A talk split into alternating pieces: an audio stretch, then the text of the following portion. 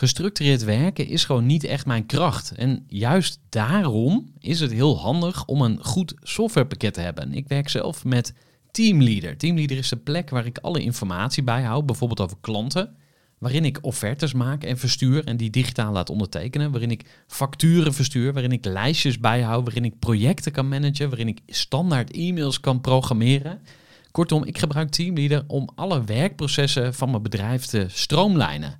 En zeker ook als je met een team werkt, is het heel fijn om over dezelfde informatie te beschikken.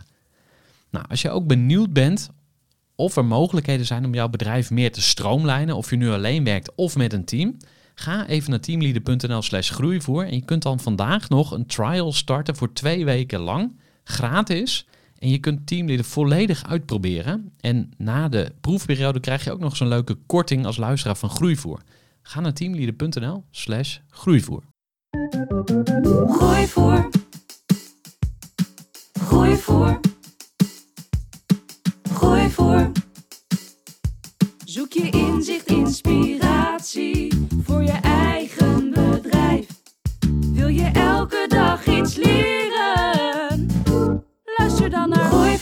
Welkom bij een nieuwe aflevering van de Groeivoer podcast. En mijn gast vandaag is Marco Aarnink, eigenaar van Print.com.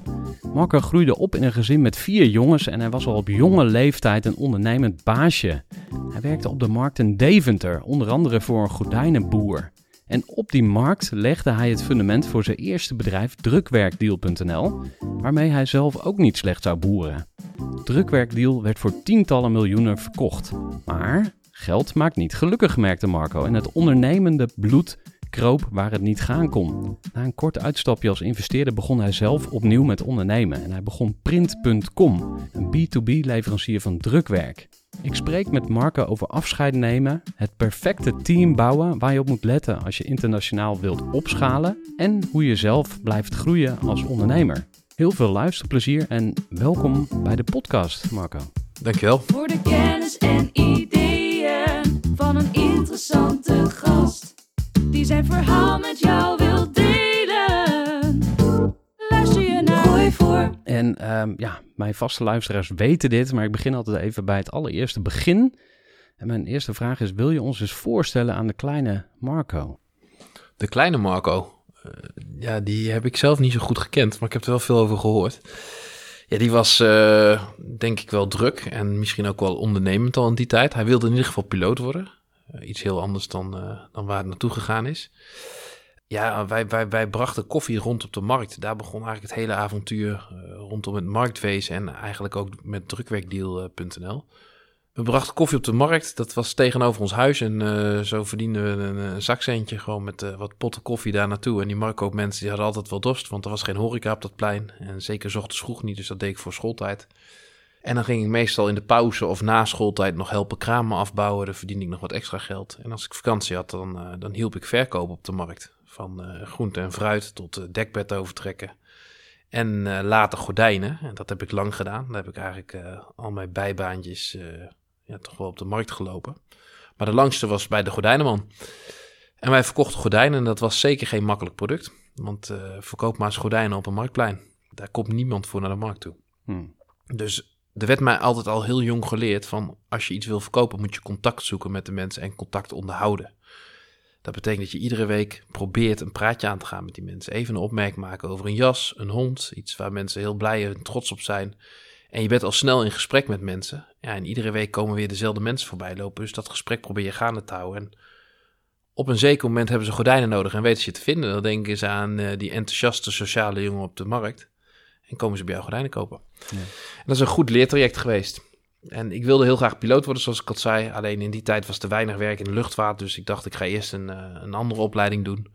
Om zeker te zijn dat ik ook eh, na mijn studie een baan heb. Want om piloot te worden ga je toch een grote schuld aan. Maar ja, toen ging ik small business en retail management doen. Ook een, eh, een opleiding waarbij je weinig naar school hoefde. En heel ondernemend projecten moest doen bij bedrijven. En dat lag mij wel. En tijdens mijn studie eh, vroeg mijn werkgever, eh, de gordijnenman, mij even wat visitekaartjes voor hem te regelen en een websiteje in elkaar te knutselen. Dat deed ik. Dat keek ik af van mijn broer die een bedrijf had in websites en in allerlei internetdingen.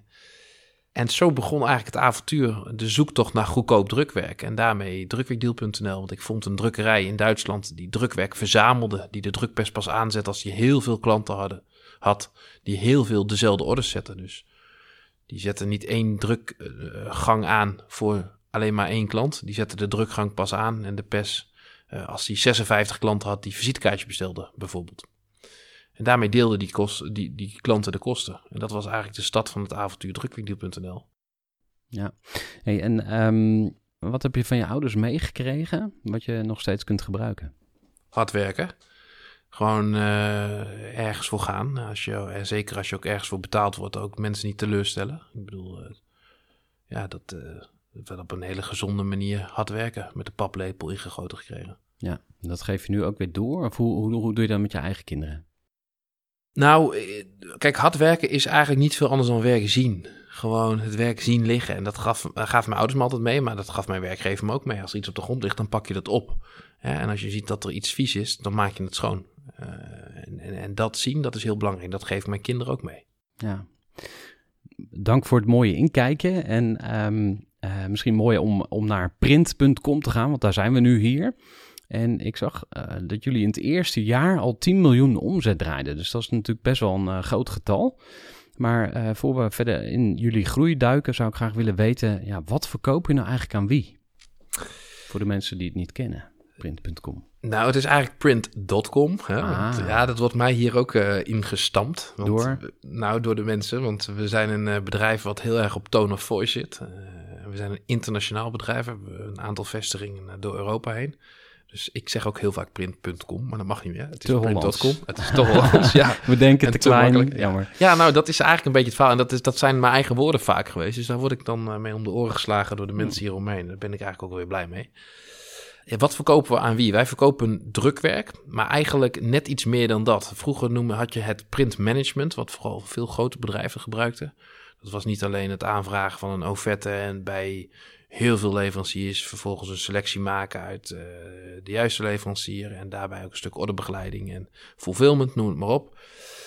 De typische online drukken doet niks anders dan een webshop zijn voor drukwerk. Je koopt je product, je krijgt het thuisgestuurd en that's it. Wij proberen net wat meer services te leveren, dus echt het ouderwetse printmanagement terug te brengen naar online. En wij leveren eigenlijk alleen aan de professionele gebruiker. Dat wil zeggen dat we een gesloten portal zijn. Eh, je moet je aanmelden om bij ons binnen te komen. Dan gaan we je ook echt onboorden. Dus je hebt een gesprek met ons. Daarbij brengen we je wensen in kaart. Vertellen we iets over de services die wij kunnen leveren. En kijken we of we ook in de buurt komen met een stukje fulfillment en andere dingetjes eh, die jij als gebruiker nodig hebt.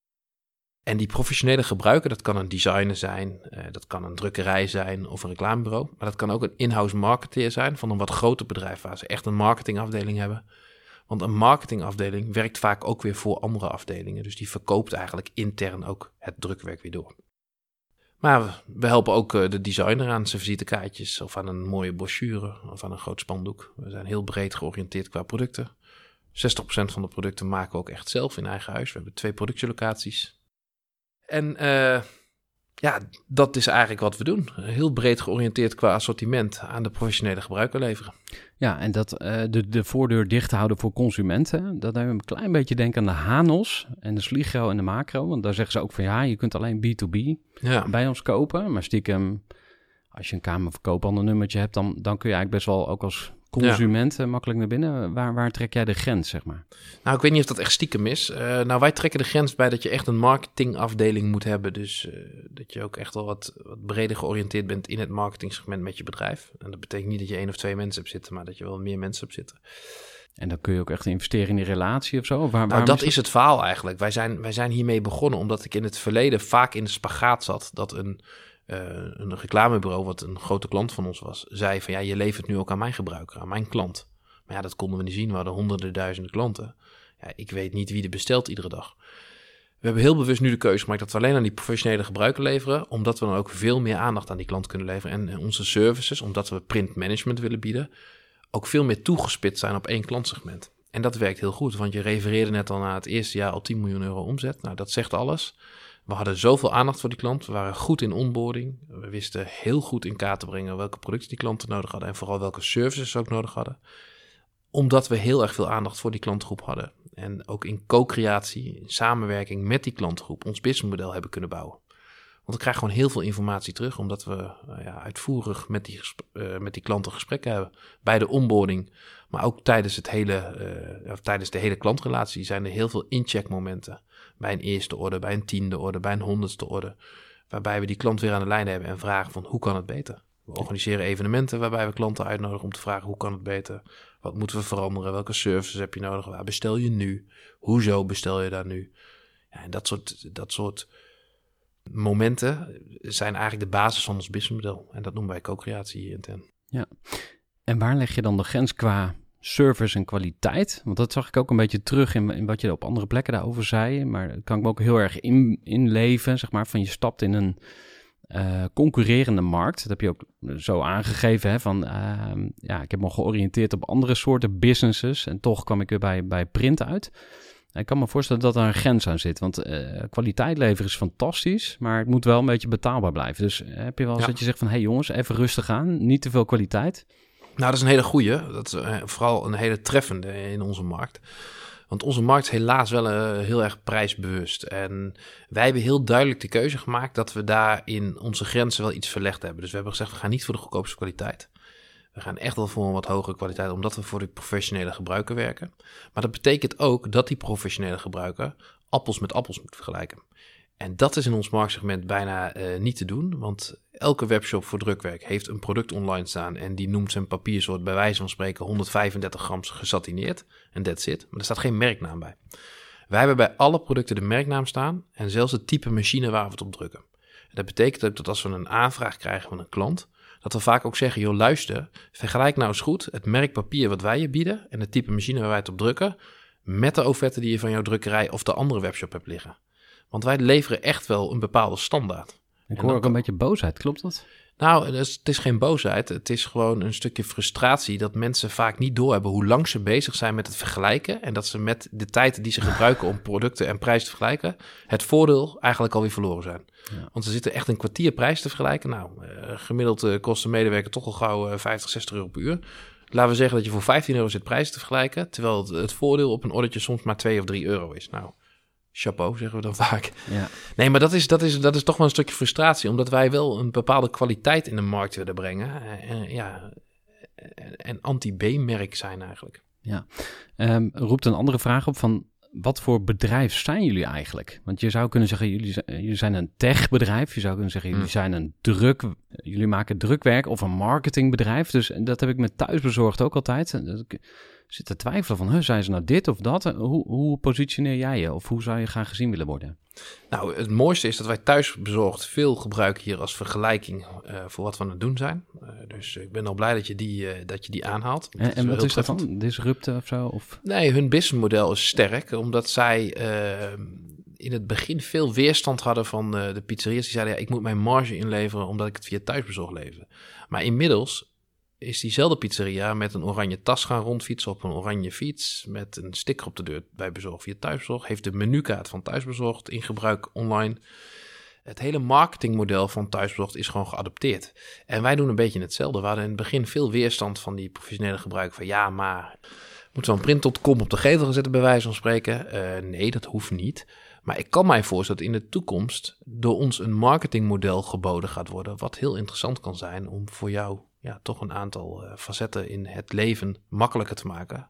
Omdat wij een stukje voorkant voor je gaan zijn. En heel veel drukkerijen bijvoorbeeld maken heel veel mooie producten, maar hebben heel veel moeite om die producten te verkopen. Nou, voor dat soort bedrijven zouden wij een voorkant kunnen zijn als we daarmee een goede samenwerking optuigen.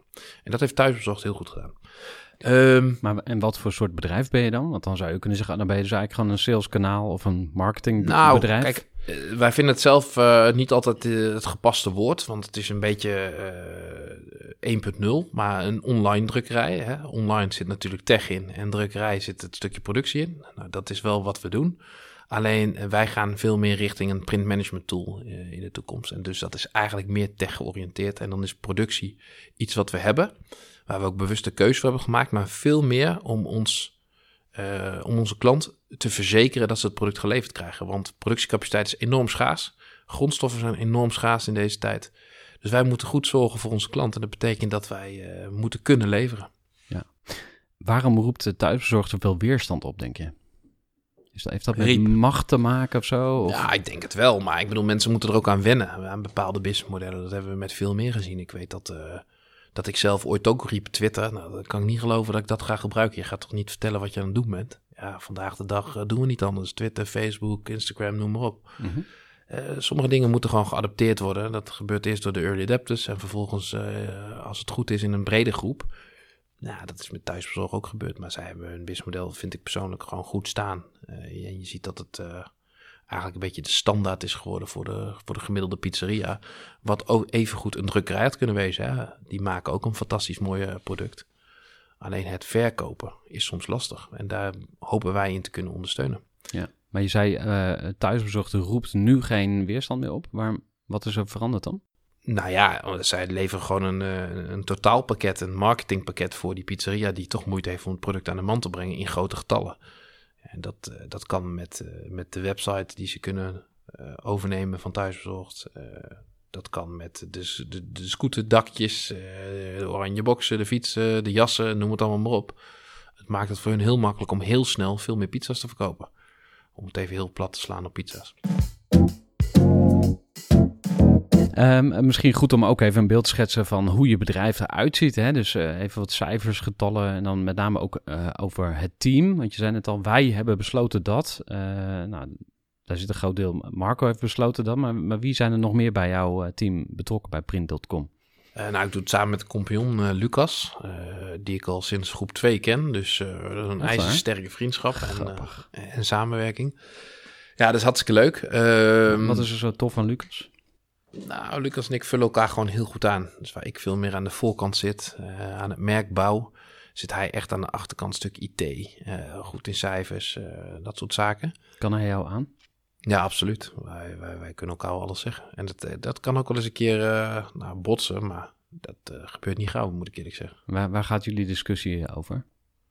Nou, dan gaat hij meer over houding en gedrag dan over de inhoud van, nou, van, van, van waar het over gaat eigenlijk. Dat is wel grappig. Hmm. Dus dat is meer dat we elkaar aanspreken op, joh, rustig en eh, denk even na. Of eh, waarom kijk je zo moeilijk? Dat soort dingen. Dan dat het nog gaat over de inhoud. Want daar, zijn we, daar zitten we vaak snel alweer op één lijn. Grappig. Dus het gaat meer over de omgang of zo. ja hoor. Dus Ja. ik vroeg het aan eh oprichter van de Avocado Show. En die, Ja. die, zijn, die zijn meteen geld. Bij ons gaat het altijd over geld. Ik wil het uitgeven en mijn compagnon die wil het in de, in de zak houden. Jij zei van, Ja. zit bij ons meer in de communicatie of zo. Ja. Of, Ja, Eh. ja, meer in de communicatie. Dat we elkaar gewoon beter willen maken op het vlak van eh, leiderschap, omgang, sociale aspecten, dat soort zaken. En eh, vaak liggen we inhoudelijk wel echt op één lijn. Dus dat is, of vrij snel in ieder geval op één lijn. Dus dat, daar, daar botst het niet vaak. Als het dan een keer botst, gaat het meer over de snelheid. Hij is meer van het proces en structuur. En ik ben misschien wat meer van de korte klap af en toe, omdat ik gewoon aan die voorkant zit en snel wil gaan. Maar dat is een goede mix. En duwen en trekken is ook gezond. Even een korte onderbreking met een belangrijke vraag aan jou. Want wat heb jij geregeld voor het geval je van de ene op de andere dag zou komen uit te vallen? Wat gebeurt er dan met je bedrijf, maar vooral wat gebeurt er met jou persoonlijk en ook in financieel opzicht? Samen met ASR voerde ik drie openhartige gesprekken over tegenslag en veerkracht. En dat deed ik met Saskia, Vincent en Pieter.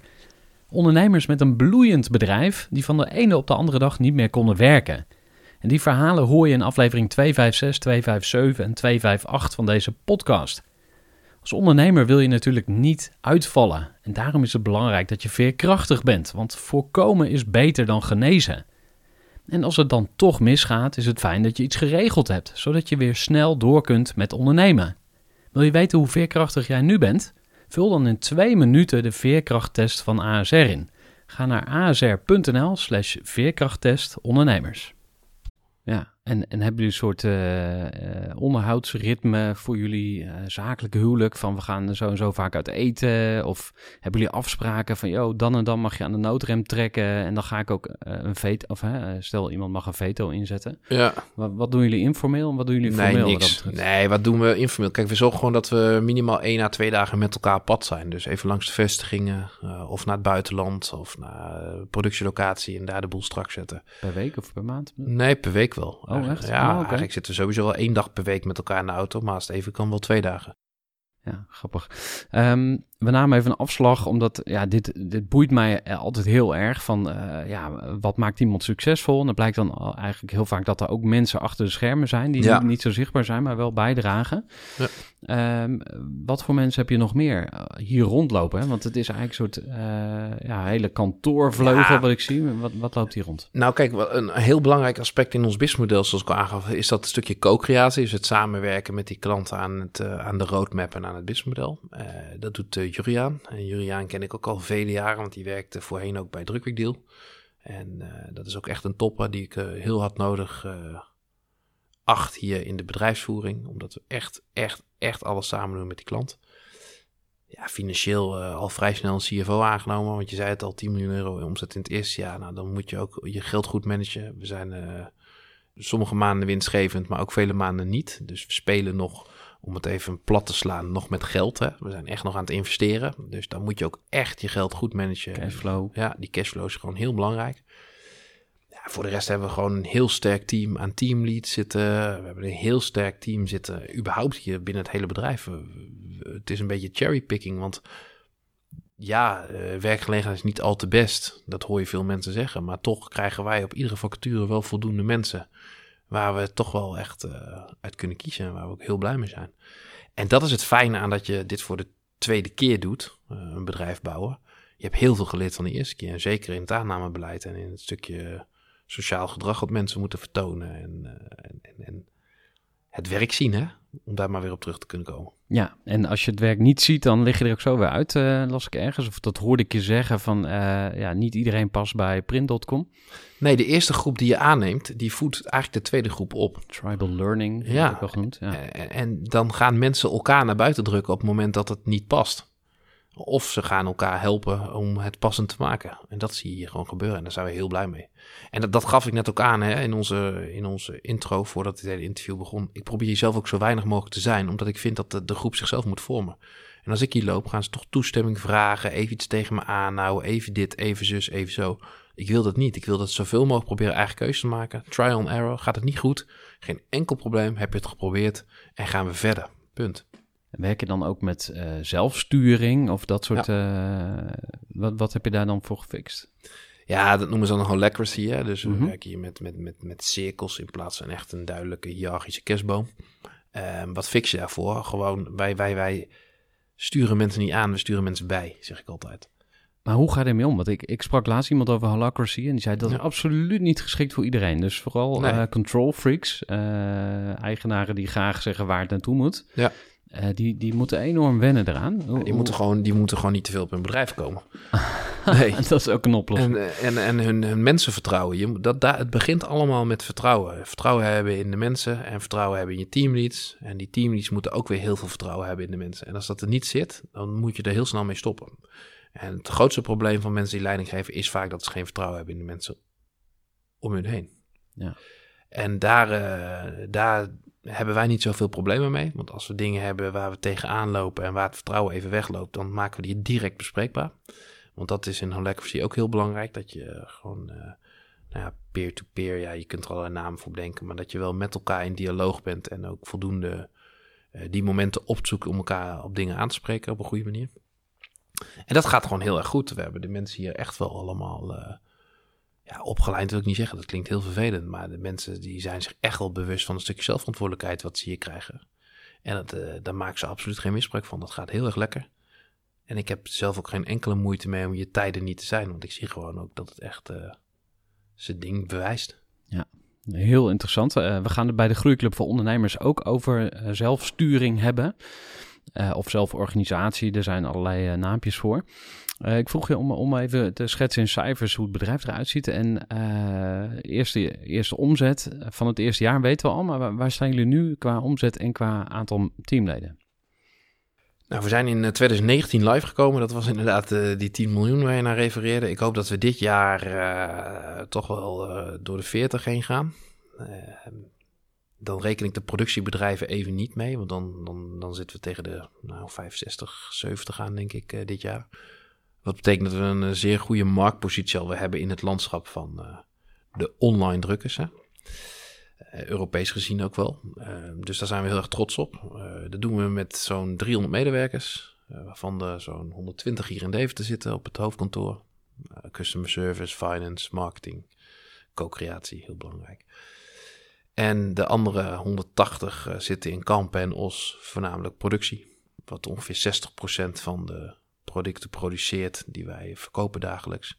De andere 40% wordt door andere specialistische productiebedrijven eh, door Europa heen eh, geproduceerd.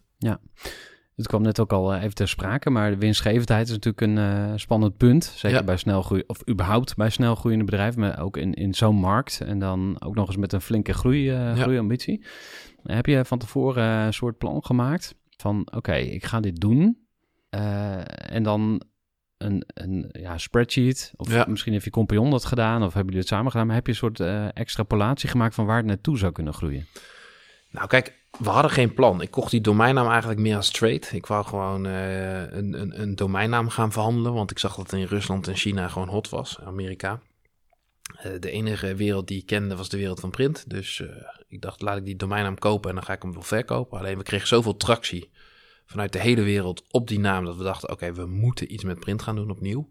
Want mensen gingen jullie benaderen Ja. van, yo, je hebt nu die URL. En, Ja. en wat zeiden ze dan? Nou, dat lekte per ongeluk uit dat ik die domeinnaam gekocht had voor, eh, voor, voor, voor nou, eh, meer dan een miljoen. Eh, en, dat was eigenlijk niet de bedoeling. in de kroeg of zo? Nee, de, de, de domeinhandelaar, die had op Twitter gezet dat hij een, een, nou ja, een deal had gemaakt van boven de miljoen. En dat hij daar heel erg trots op was. En toen werd er al heel snel de link gelegd naar dat dat print.com moest zijn. Ja, en even zoeken kwam er, eh, kwamen mensen erachter dat Marco Anik was die hem gekocht had. Hm. Nou, en toen ging het los. Dus toen hebben wij een heel simpel websiteje online gezet met een subscription formulier. Nou, en het, eh, binnen no time hadden we 6000 aanmeldingen van over de hele wereld van ik wil met jullie samenwerken. Terwijl we eigenlijk nog helemaal niks hadden. En toen zagen we hoe groot het eigenlijk was. Ja, opnieuw zagen we hoe groot die markt eigenlijk was en hoeveel tractie daar nog in zat. Dus toen hebben we ons financiële model, of we, we waren bezig met een financiële applicatie aan het bouwen. Die hebben we aan de kant geschoven, in de ijskast gezet. En we zijn vol op print.com gegaan.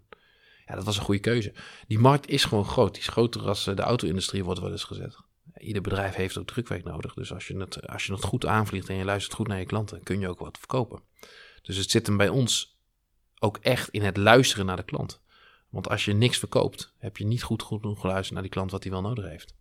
En daar proberen we ook ons hele businessmodel te bouwen, dat stukje co-creatie. En dat, dat slaat gewoon aan en daarom groeien we ook relatief hard. Ja, dus eigenlijk van tevoren eh, was je het niet van plan. Je kocht die URL. Toen kwam er allemaal interesse van mensen om, om zaken met jullie te doen. Maar je had ook kunnen zeggen van ja, yo, ik ben echt klaar met, eh, met, die, met, met die business. Het is echt wel heel hard werken.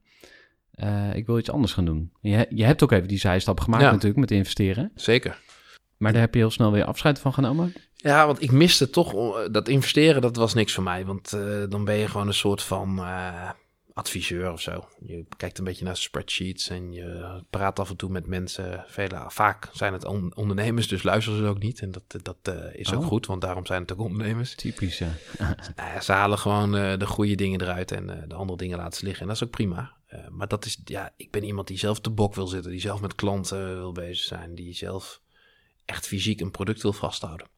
En dat is het mooie aan drukwerk. Drukwerk is een fysiek product. Het moet gemaakt worden. Ik ben toch wel gek op die maakindustrie. Dat, dat, dat, dat, ja, daar ligt toch een stuk passie voor me, eh, van me bij die machines. En aan de andere kant ook bij het online gedeelte. En drukwerk kent heel veel emotie. Hè? Ik bedoel, ja, een rouwkaart heeft een enorme emotie. Een verjaardagskaart heeft een enorme emotie. Maar een brochure of een visitekaartje waar het logo van jou op staat, wat net nieuw is, ja, dat haalt ook een ontzettend gevoel van trots naar boven. Hmm. En met die emotie van mensen bezig kunnen zijn, ja, dat is gewoon prachtig. Dus het, he- het product heeft heel veel in zich. Ja.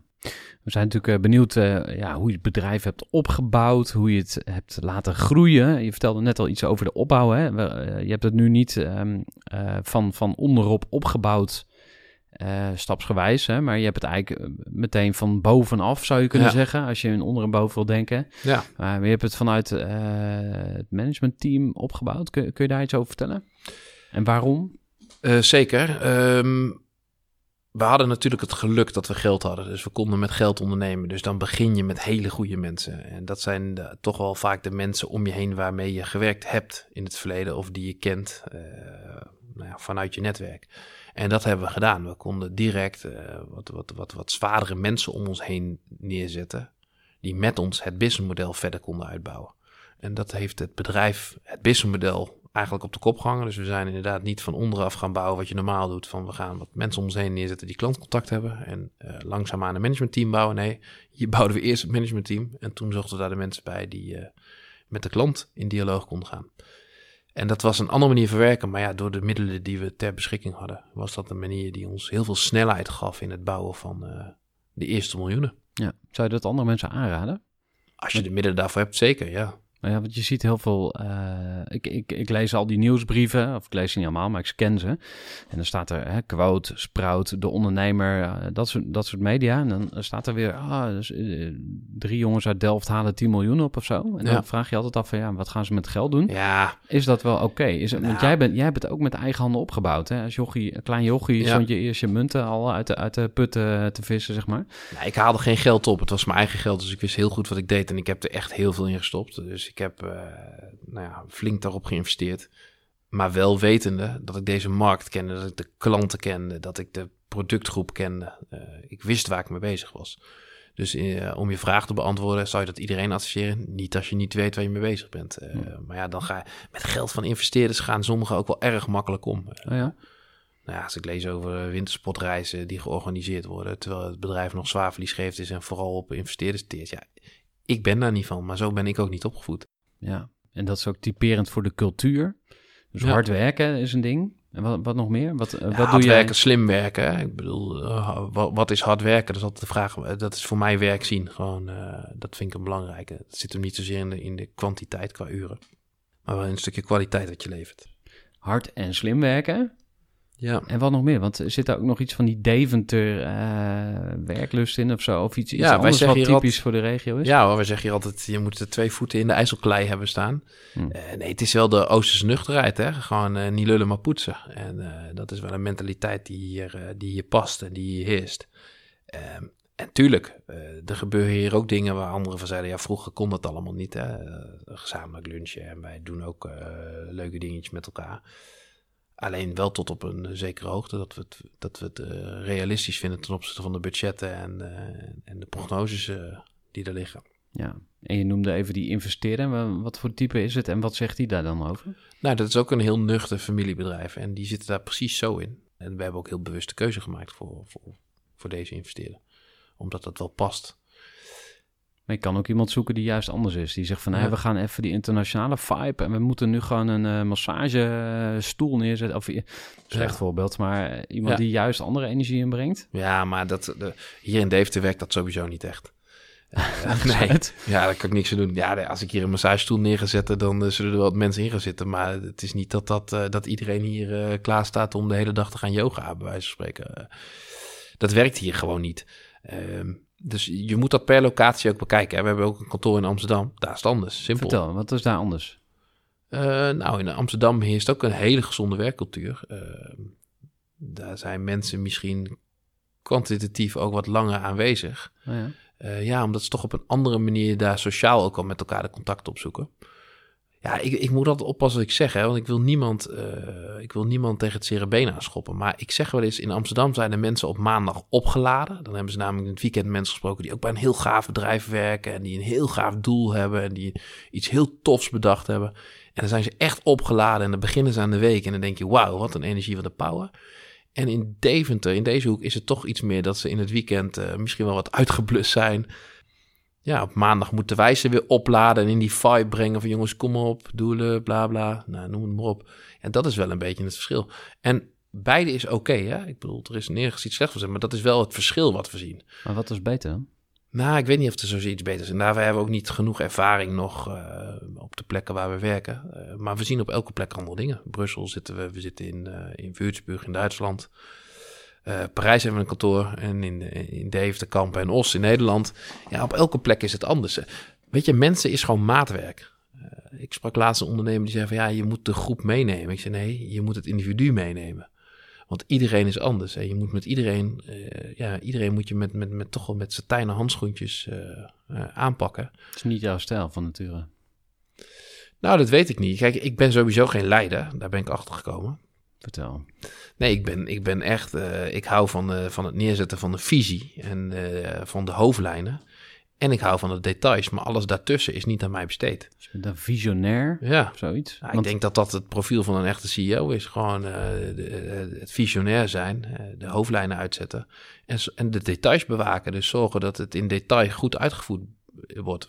De meeste ondernemers zien de details ook. Hè? Die lopen door hun tent heen en die zien precies wat er gebeurt. En die weten ook vaak exact wat er gebeurt. Elke stoel die scheef staat, Ja, bewijs van. ja. En, en, en alles wat daartussen gebeurt, daar heb je hele goede mensen voor. En eh, die mensen moet je vertrouwen en die moet je dat ook, eh, die moet je dat ook geven. Ja. Ken je Jasper Meerding van eh, Contact Care? Nee. Die eh, had het in een aflevering die ik, die ik nog eh, live ga zetten, maar hij had het over de visionair en je had de implementer. En die twee Ja. die zijn samen heel sterk. Ja. Dus Lucas is eigenlijk jouw Ja, eh, implementer. absoluut. Ja, Ja. interessant. Ja, en Lucas is ook wel heel. eh, Lucas is ook echt een visionair, absoluut. Eh, maar hij is daar wel beter in. Ja. Hij, Lucas is hier ook graag aanwezig. Terwijl ik wat liever wegvlucht naar de andere locaties om ook daar een, eh, nou ja, een, een, een oogje in het cel houden. Hè. Kijken hoe de details en de hoofdlijnen erbij hangen. En omdat ik het gewoon heel leuk vind om met andere culturen in andere landen opnieuw te pionieren. Eh, te kijken waar kansen liggen, welke machines we nodig hebben, welke producten we moeten neerzetten. Ja, dat is, dat is echt mijn ding. Ja, en waar zie je de grootste kans? Want eh, als we zeg maar, naar de groei van het bedrijf kijken, je hebt nu een aantal eh, plaatsen opgenoemd in Nederland, een paar over de grens, maar ik hoor nog Ja. niks over New York of Sao Paulo of eh Nee, kijk, wij- Hongkong. Nee, wij zijn er als bedrijf nog niet aan toe.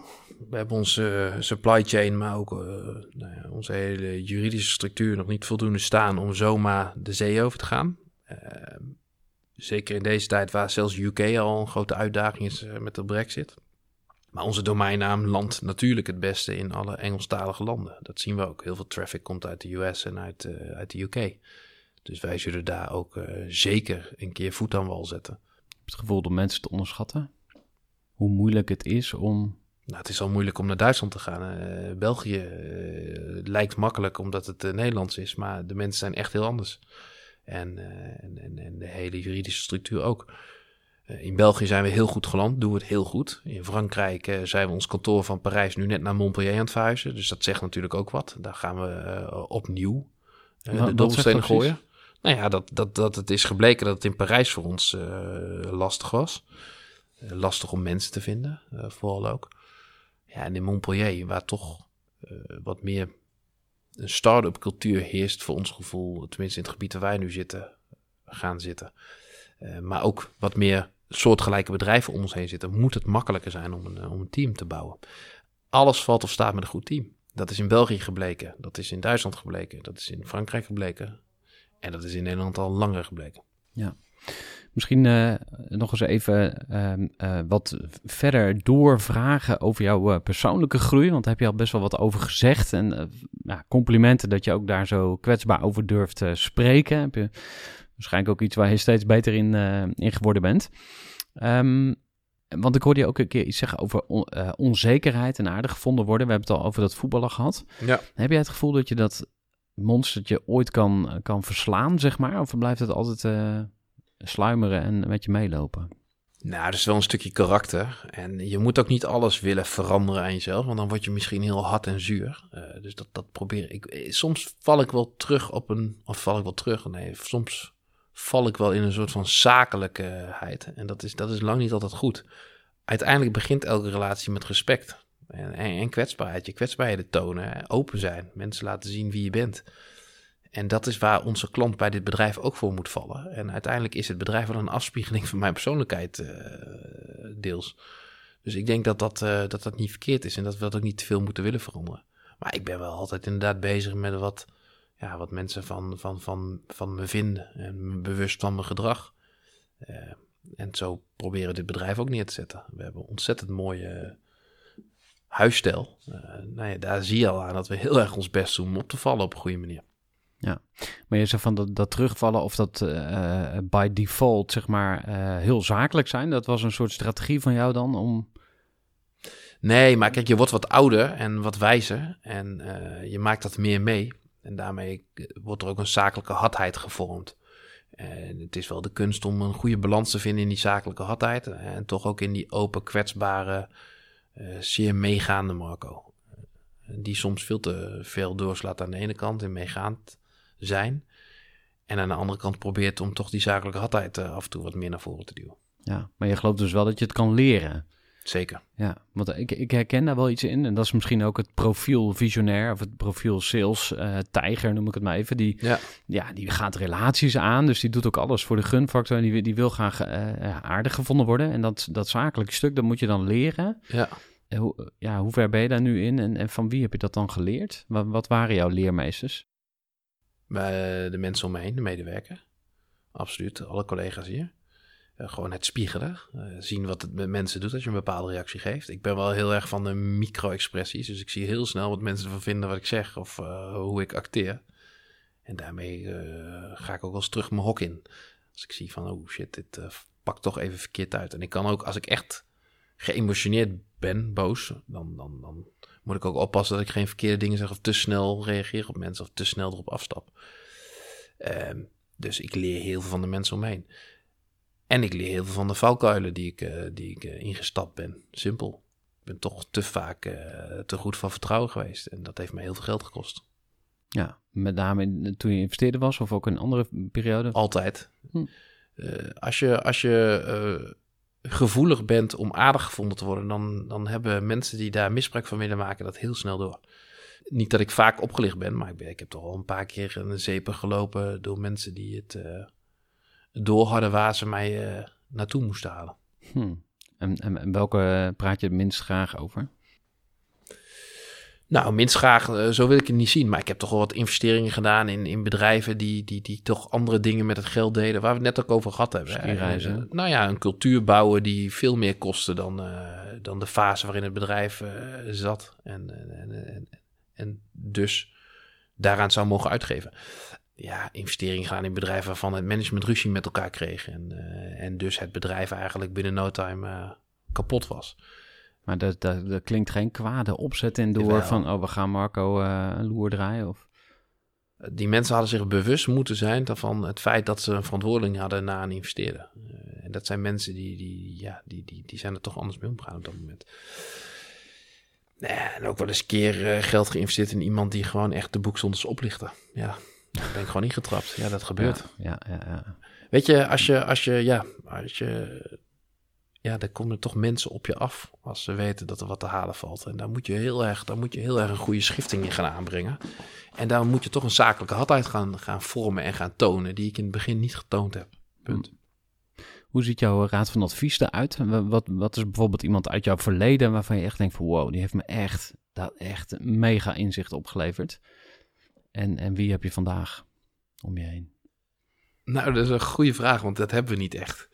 We hebben het er wel vaak over dat we misschien eens een keer een raad van advies of een, een raad van commissarissen geeft een naam neer moeten gaan zetten. Alleen daar zijn we er niet echt aan toe, want we halen nog steeds heel veel inspiratie uit de mensen hier eh, op de vloer. En we halen gewoon heel veel inspiratie uit de klanten. Ik heb wel een paar hele goede vrienden waar ik mee kan sparren. Dus ik heb wel, eh, nou ja, een van mijn, eh, van mijn betere vrienden is, en, is iemand die al, al 50 is. Maar waar ik in, in, in, in goede, maar ook zeker in hele slechte tijden echt heel veel aan heb gehad. Die mij er echt doorheen getrokken heeft. En eh, met zijn wijsheid en zijn levenservaring mij toch vaak kon bijsturen eh, in de juiste richting. En eh, weer een beetje de kracht gaf om, om, om een zoortje op te pakken en door te gaan. Ja. Vind je het zwaar ondernemen? Nou, kijk, ze zeggen wel eens lonely at the top. Maar in, op moeilijke momenten is dat ook gewoon zo. Dan sta je er gewoon alleen voor. Dat is niks ten nadele van mijn, eh, van mijn vriendin, van mijn partner. Eh, daar, daar wil ik ook niet aankloppen. Wij hebben het heel erg gescheiden. Ze werkt hier wel. Eh, maar we hebben het eigenlijk weinig over werk. Zij doet HR samen met een, een groepje collega's. Dat doet ze verschrikkelijk goed. Tuurlijk stel ik daar wel eens vragen over. Maar echt inhoudelijk en op, op, op aansturend niveau wil ik het niet thuis. ja, wil ik, dat wil ik, ik wil het daar thuis niet mee verzwaren. Dat is mijn ding. Eh, dat vind ik ook lekker. Eh, en sommige dingen vind ik ook gewoon lekker om zelf op te lossen. Want ik ben wel iemand, eh, ja, een straatvechter die Zelf doen, ja. ja, ja, maar ik wil het ook gewoon uitvinden. Ik hou er niet van om te snel om hulp te vragen. En ik wil het gewoon heel erg gescheiden houden. Thuis is thuis, werk is werk. Passie is passie, hobby's zijn hobby's. Zo hebben we allebei onze eigen dingen. En dat, dat drijft ook dat we al heel lang bij elkaar zijn, denk ik. Dus ja, waar vraag je dan advies? Ja, dan kom je toch vaak bij vrienden uit of bij een adviseur die ervoor betaalt. Of bij mede-ondernemers. En zo is het in een vriendengroep. Ik bedoel, de ene kun je mee lachen, de andere kun je mee drinken, de andere kun je mee huilen. Maar zo is het met ondernemers ook. Je weet precies wie je dan even moet bellen om een bepaalde vraag te stellen of een bepaalde situatie voor te leggen. Ja, interessant. Ehm, ik wil het nog met je hebben over eh, afscheid nemen. En dat is best wel een groot onderwerp. En we hebben het al een klein beetje aangeraakt af en toe. Ehm, maar afscheid nemen van een compagnon, dat heb je ook meegemaakt. Ja. Wat heb je daarvan geleerd? Ja, wat heb ik daarvan geleerd? Dat dat eigenlijk eh, voor mij wel een eh, hele lastige situatie was. Ik zag dat toch wel echt als een soort van scheiding. Ik ben er nooit gescheiden, maar eh, ik heb een hoop verhalen gehoord. Maar ik vond het afscheid toch wel pittig. En dat heeft bij mij ook wel echt de passie en de energie eruit gehaald. Ik heb mijn bedrijf iets later ook verkocht. Mede daardoor.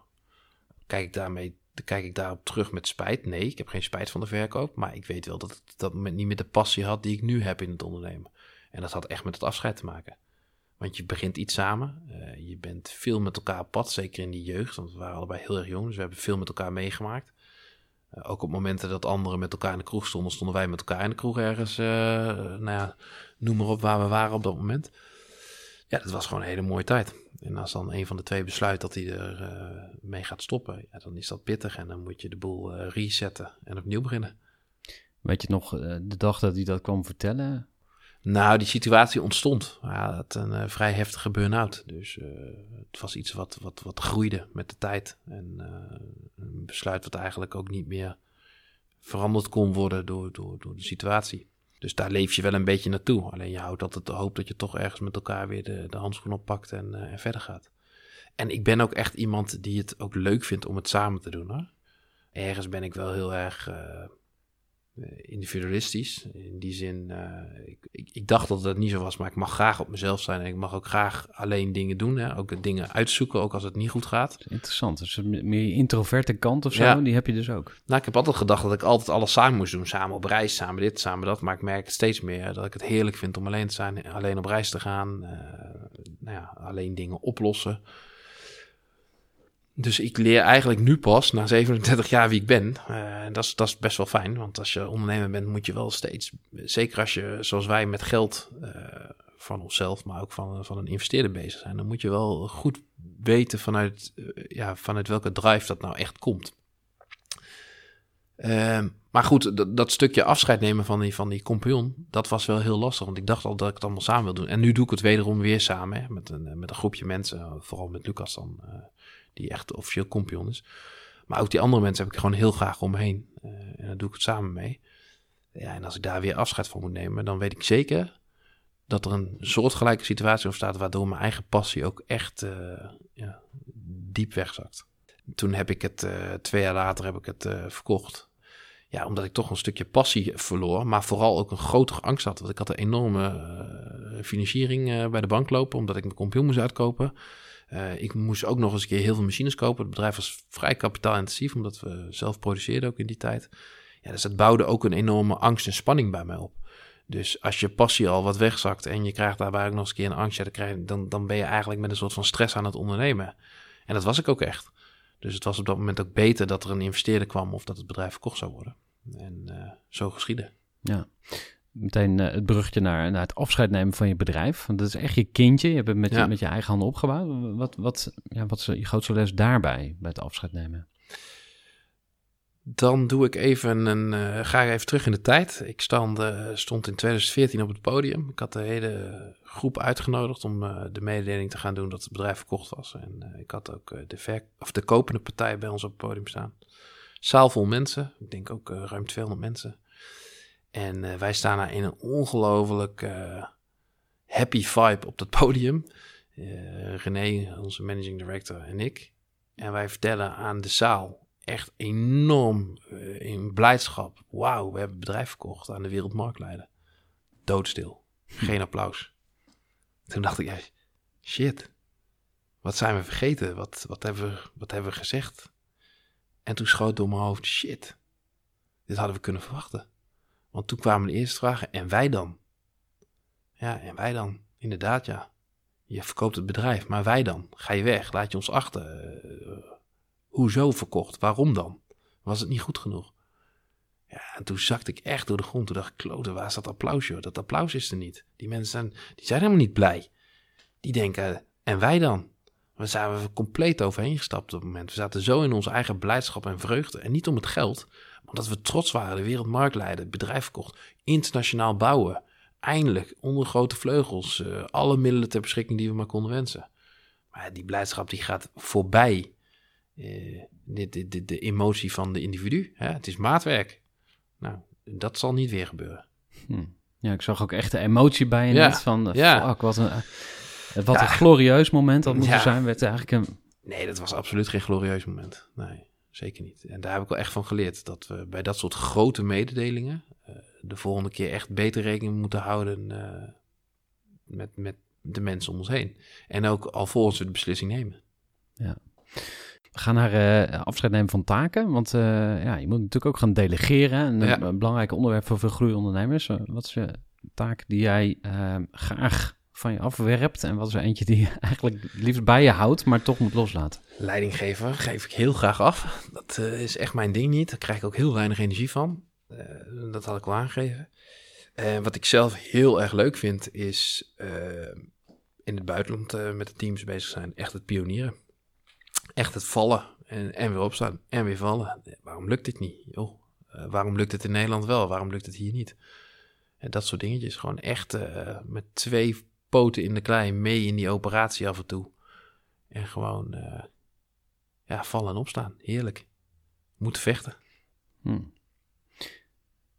Nog vele vragen te stellen. Eh, misschien deze dan nog. Eh, wat is je grootste hobbel die jij voorziet voor jullie internationale uitrol? Groots denken. Hm.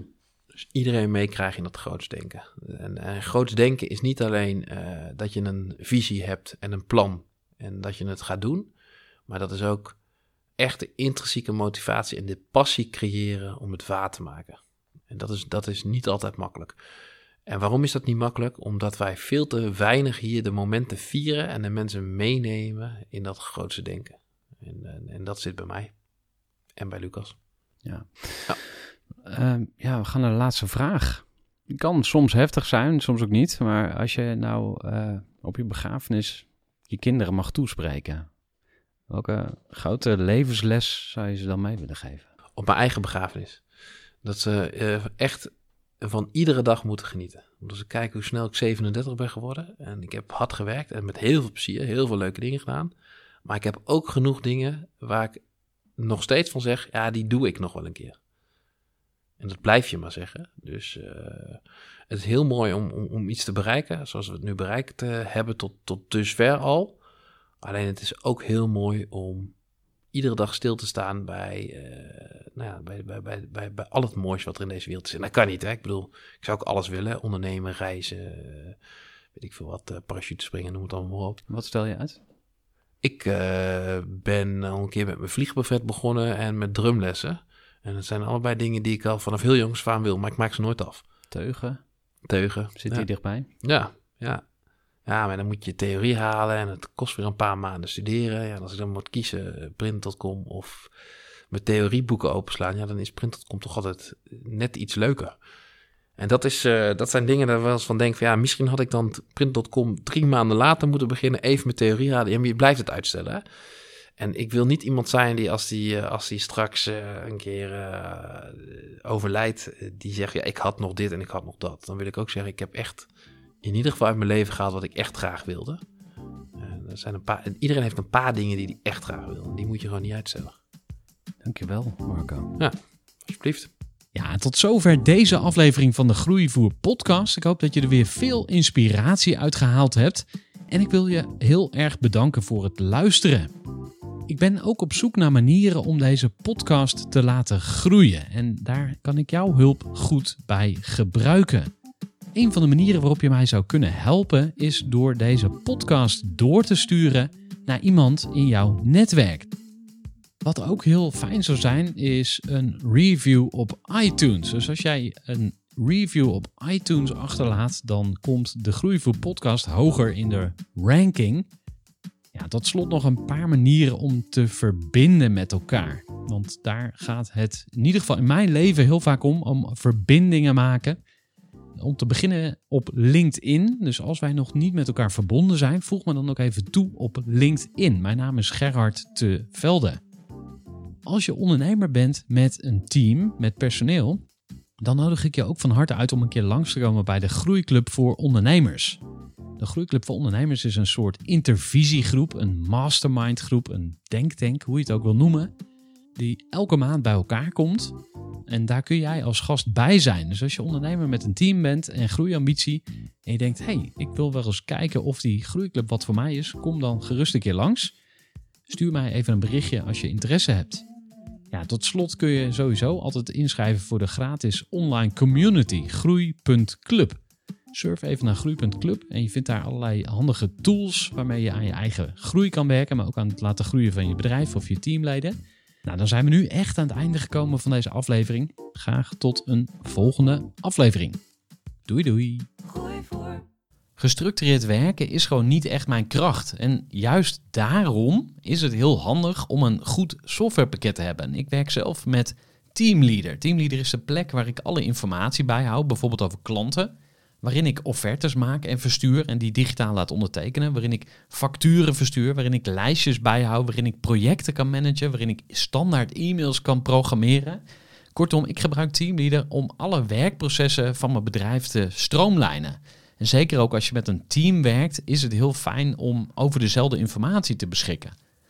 Nou, als je ook benieuwd bent of er mogelijkheden zijn om jouw bedrijf meer te stroomlijnen, of je nu alleen werkt of met een team, ga even naar teamleader.nl slash groeivoer en je kunt dan vandaag nog een trial starten voor twee weken lang, gratis.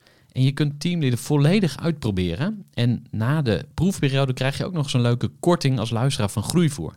Ga naar teamleader.nl slash groeivoer.